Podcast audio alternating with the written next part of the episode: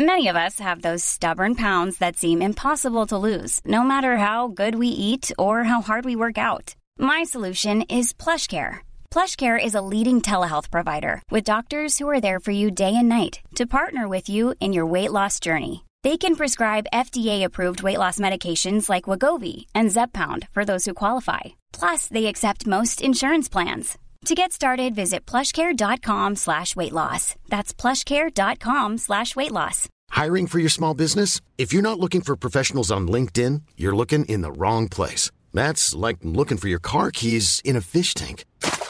LinkedIn helps you hire professionals you can't find anywhere else, even those who aren't actively searching for a new job but might be open to the perfect role. In a given month, over 70% of LinkedIn users don't even visit other leading job sites. So start looking in the right place. With LinkedIn, you can hire professionals like a professional. Post your free job on linkedin.com slash people today.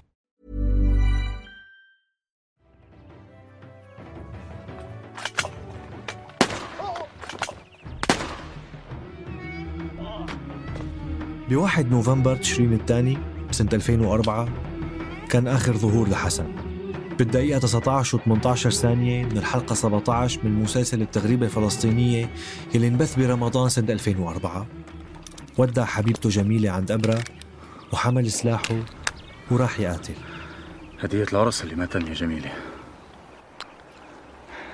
وهي البوسة اللي ما قدرت أبوسك إياها. بخاطرك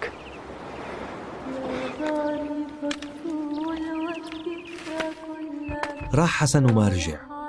وضلوا أهله يستنوه أبوه ضل يستناه على كرسي جنب باب الخيمة لحتى مات. وما رجع. كان عمري وقتها حوالي 14 سنة. كنت يمكن بالمدرسة بالصف الثامن. والمسلسل كان يطلع بوقت متأخر نوعا ما. بس بالنسبة لإلي ومن قبل أربع سنين وأكثر عرفت إنه أي عمل مكتوب بآخره إخراج حاتم علي لازم مو بس شوفه. لازم ركز معه لا إراديا بكل حواسي. نحن مع الأسف عم نعيش واقع أسوأ بكثير من بدايات القرن الماضي مكانك راوح بالوقت اللي غيرنا سبقنا بسنين ضوئية بقى شوف قديش تخلفنا هي حلقة خاصة من منبت مهداة للمخرج الراحل حاتم علي اللي تركنا بيوم 29 12 من سنة 2020 يعني قبل شي أسبوعين أو أكثر من تاريخ نشر هاي الحلقة كمان أنت لمين عم تكتب؟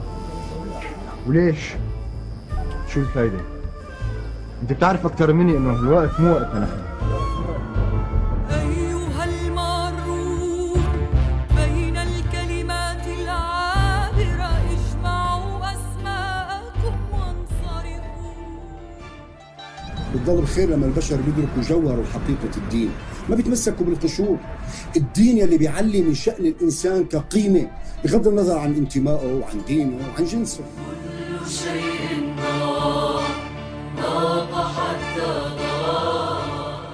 لأنه نحن بالعادة ما بنتذكر مبدعينا إلا بعد ما يموتوا. وما فارقتني طوعا ولكن دهاك من المنية ما دهاك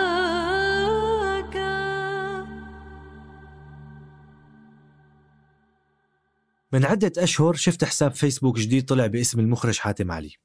بالعادة في حسابات كتير على الفيسبوك والمنصات التانية بتحمل اسمه. بس كان واضح إنه ما له علاقة فيها. وبعد فترة نزل مقطع فيديو على الحساب عم يحكي فيه إنه هذا هو حسابه الوحيد الحقيقي وإنه هو أصلا ما بيحب سرعة التواصل الاجتماعي مواقعه. مبدئيا أنا من أول يوم عملت فيه حساب على أي منصة أول اسم مشهور كنت دور عليه هو حاتم علي لحتى تابعه. بعثت له طلب إضافة ورسالة كتبت فيها إني بشتغل بالسوشيال ميديا بمجال تبسيط العلوم وبعثت له حلقة من حلقات البرنامج اللي بعمله. وباليوم التالي لقيت رد منه. قال لي بالحرف أهلين بشر شفت سابقا بعض الحلقات الله يعطيك العافية البرنامج لطيف كتير تمنياتي لك بالنجاح الدائم. حاتم علي شيخ الكار أثنى على شغلي. مو بس شيخ الكار بالنسبة لإلي الفكرة أكبر من هيك. شغله ورؤيته فيني أقول شكلت جزء مهم من تكويني العقلي والوجداني ورسم طموحي والهدف البعيد اللي بدي أوصل له. بتوقع كتار من جيلي فكروا بنفس الطريقة. سنة 1998 وقت كان عمري 8 سنين بتذكر إني شفت مسلسل اسمه سفر من إخراجه وكانت أول مرة بنتبه وبشوف إنه ممثل بيصير مخرج. بعدين برمضان من هديك السنة طلع جزء جديد من سلسلة مرايا مختلف عن يلي قبله بالصورة والموسيقى والفواصل الكرتونية الحلوة والرؤية يلي هو مرايا 98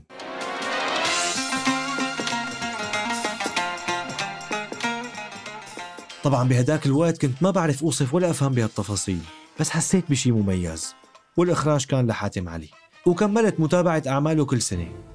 بتذكر بال 2001 لما طلع مسلسل صلاح الدين الأيوبي قررت إنه حلمي يصير مخرج مثل حاتم علي وأنا عمري 11 سنة. مرت السنين وشفت معظم أعماله وسافرت من سوريا وجربت الغربة. وأول فترة وصلت فيها على فرنسا بتذكر إني انهوست بسرعة النت العالية المختلفة بشكل كبير كتير عن سوريا. شو يعني شوف فيديو اتش دي واكبس عليه ويشتغل مباشرة بدون ما أروح آكل وأشرب ونام لحتى أرجع الاقيه جاهز. مع الاتصال السريع صار فيني شوف كل شيء خصوصا بالعطلة. وعلى مدة سبع سنين رجعت شفت كل المسلسلات من إخراجه عدة مرات ويلي شفتها وأنا طفل أو مراهق شفتها بعين شاب مغترب شاف حضارة مختلفة ودرس دراسة مختلفة وشاف ناس وثقافات مختلفة. وصار عنده مخزون أفلام ومسلسلات عربية وأجنبية كبير براسه وصار يقدر يقارن ويحلل شوي فينا نقول. ولم يزدني البعد إلا إعجاباً. بالأعمال التاريخية مع المبدع الكبير دكتور وليد سيف نسجوا وحاكوا لوحات عبقرية. أعمالهم ما كانت تاريخية توثيقية على الطراز القديم. يعني لما كان النص عبارة عن حكم وجمل مباشرة ومملة ولغتها ضعيفة أو مقعرة الدكتور وليد سيف بيكتب بلغة بقمة البلاغة. مريحة كتير وبتعلم لدرجة كنت أحكي فصحى بيني وبين حالي لمدة أيام بعد ما خلص المسلسل. وجدتها أقدر على التعبير عما يدور في نفسي. ها شفتوا؟ ليك رجعت قلبت على الفصحى.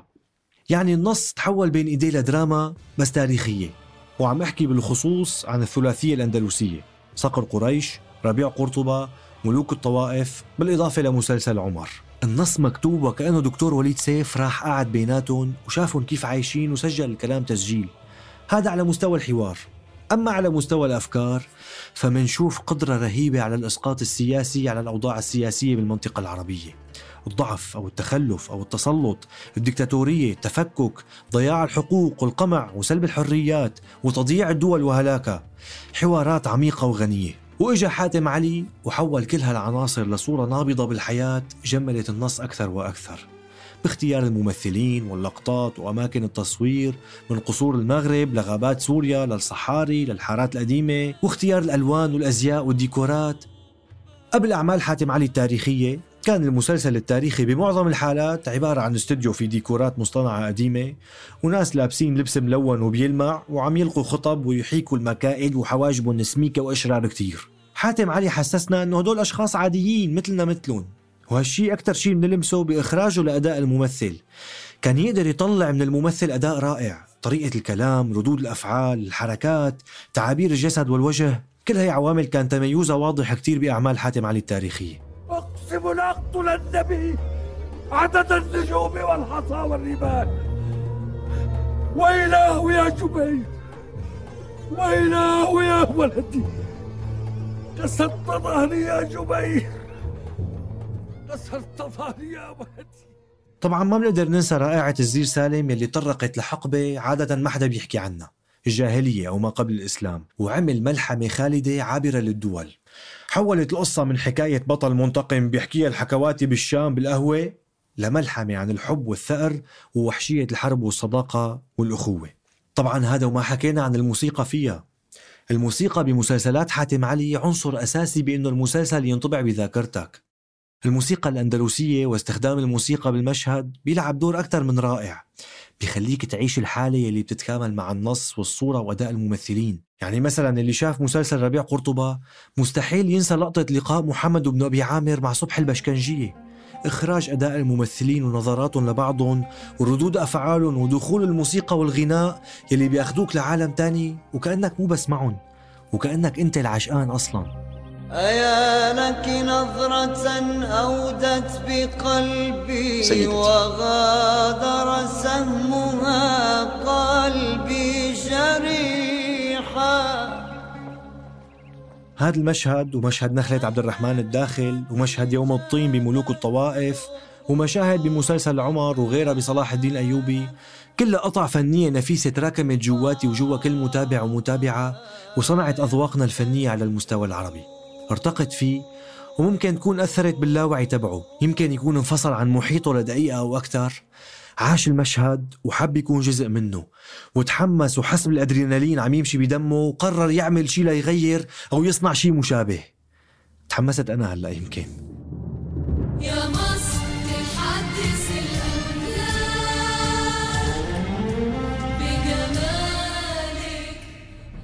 وانتشر اسم حاتم علي لوصل لمصر وحتى بمصر غير شكل الإخراج. هني كانوا لسه عم يستخدموا الكاميرات المتعددة أو الزوم أو التقريب السريع على الوش والتعابير الواضحة وردود الأفعال المبالغ فيها.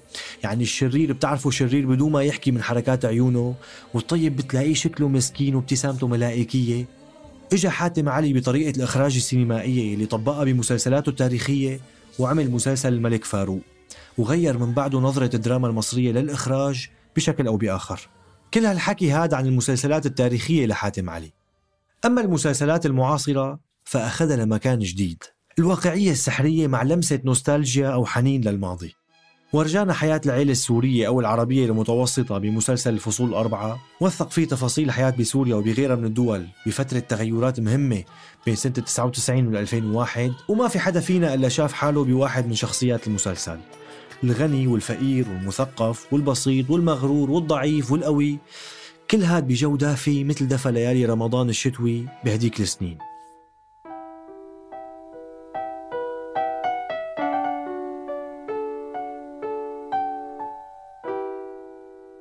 بعدين عمل مجموعة أعمال معاصرة على مدى عشر سنوات وبكل عمل بيبدأ بالحلقة الأولى بلقطات عامة لدمشق من جبل قاسيون بعدين بينتقل للقطات لشوارعها. وجوه ناسا وخصوصا المتعبين منهم أبنيتها الحديثة الرمادية والقديمة اللي معرش عليها الياسمين والخميسة وبيحكي قصص من الشام قصص ناس بيشبهونا عن جد. ما بيحكي عن ناس مزيفين مو موجودين بس لحتى يعجب المشاهدين أو يحاكي أحلامهم الغريزية بالغنى والجمال مثلا. منشوف كل طبقات المجتمع بكل أفكاره وتوجهاته وعيوبه ومشاكله وجوانبه الحلوة والدافية. بكتير من المشاهد بنشوف الممثلين عم ياكلوا فول وفتة أو تسقية بالشامي ويتمشوا بحارات الشام القديمة أو عم يروحوا على قهاوي قديمة. بنشوف الشتاء والبرد والربيع والألوان والصيف والحرارة. يمكن تقولوا ليش عم تحكي هالتفاصيل كلها؟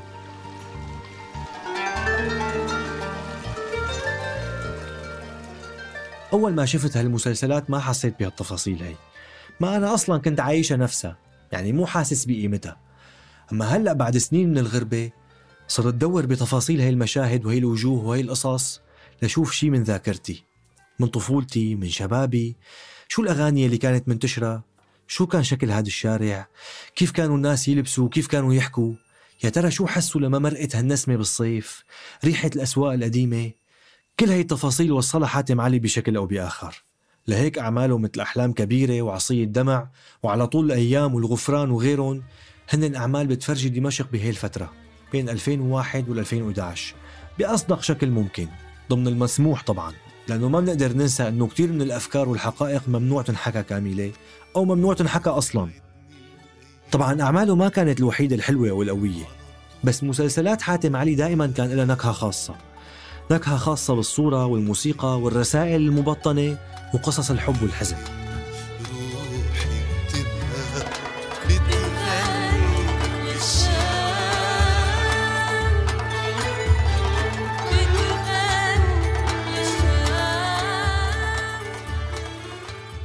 هلا بعد 2011 قلت الأعمال اللي عملها المخرج الراحل حاتم علي بس مع هيك كان من أجرأ وأذكى المخرجين بتناول الوضع بسوريا بأعمال مثل قلم حمراء والعراب بجزئية مع أنه التوجه العام بالدراما العربية كان رايح باتجاه بعيد عن الواقع يلي ما حدا بده يحكي فيه لأنه معقد وصعب بدي ما تعتدوا وما تظلموا حدا مشان تقدروا تناموا آخر الليل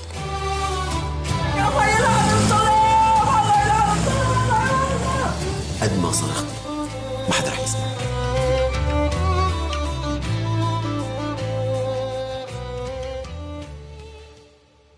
يمكن لاحظتوا اني ما حكيت عن التغريبة الفلسطينية منيح ما؟ المشكلة بهالمسلسل بصراحة إنه كتير بتختلف وجهة نظري عنه ووجهة نظر أي سوري برا سوريا مثلي بحسب الفترة. هلأ إذا شافه قبل ما يسافر فهو شاف معاناة الفلسطينيين بحكاية ما في كلام بيوصف روعتها وإخراج خلى الناس تحس حالها تهجرت معهم. ولو أنه ما في لا مسلسل ولا فيلم ولا ألف كتاب بيوصلوا لجزء صغير من المعاناة الحقيقية. بس لغة حاتم علي البصرية حملتنا من كراسينا وكنباياتنا ببيوتنا وحطتنا بالقرية الفلسطينية وعيشتنا مئة مسلسل وفيلم وقصة بمسلسل من 30 حلقة. لدرجة إنه بس يخلص بتقولي لحالك إنه كم حلقة هدول؟ كم قصة؟ شخصيات مركبة وكل شخصية مشغولة بإتقان وتفاصيل رائعة.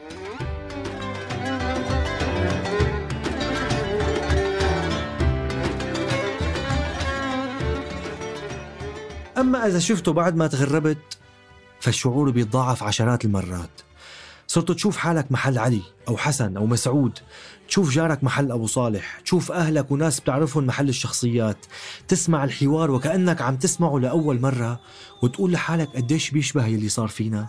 يعني المسلسل من دقة وإتقان الصنعة فيه صار يصلح لأي زمان ولأي تغريبة عربية. طبعا بتمنى ما يكون في أي تغريبات تانية لأي شعب. بس هي الفكرة ملاحظة بأعمال حاتم علي. إنك بتشوفيها بعد 20 سنة وبتلاقيها حلوة وملائمة. يعني ما بتحسي إنه كتير قديمة أو إنه خلص ما فيك تشوفيها لأنه عم تحكي بعالم تاني بعيد عنا منشوف فيها إنه كان حريص على ملاحقة آخر التطورات بكل فترة.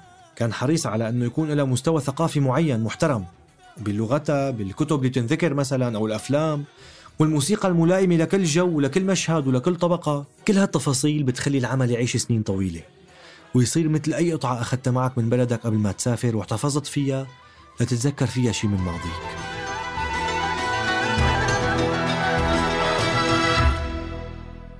الدراما المعاصرة والتاريخية قبل حاتم علي مختلفة كتير عما بعده. صار ذوقنا أصعب وأرقى وأكثر تطلبا. وصرنا نقول عن أي مخرج عم يعمل عمل سيء ويحكي ويتباهى فيه شو مفكر حاله حاتم علي؟ انتقل الاسم من اسم فنان لاسم أيقونة بمجاله. شو مفكر حالك نزار أباني ولا محمود درويش؟ شو مفكر حالك عبد الوهاب؟ مفكر حالك أم كلثوم ولا فيروز؟ شو مفكر حاله حاتم علي؟ انتقل ليصير واحد منهم ويرتبط اسمه بأجمل الأعمال الدرامية والتاريخية العربية اللي ترقى لتكون مصادر تعليمية.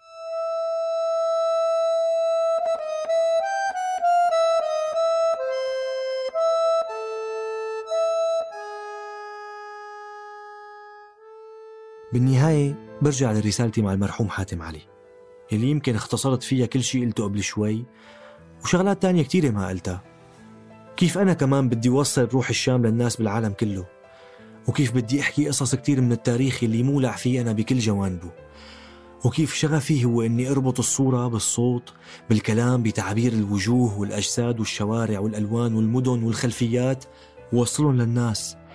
لو فيني وصلهم ريحة المي على الطريق المرصوف ونقول لهم البرد يلي حسوا فيه اللاجئين بالغابات أو طعمة البحر المالح وأغاني فيروز يلي ما عاد إلى نكهة أو إحساس.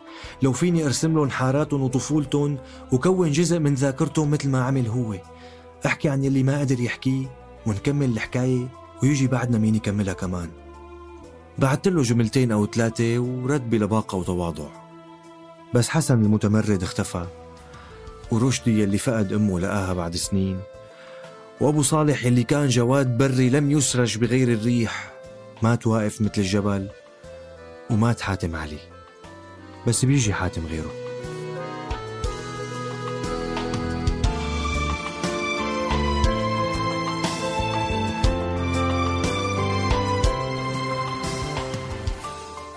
كنا معكم من الإعداد والتقديم بشر نجار من التحرير جنى قزاز من الإخراج الصوتي تيسير قباني النشر والتواصل تولته مرام النبالي وتركنا لكم المصادر بالوصف روحوا شوفوها سلام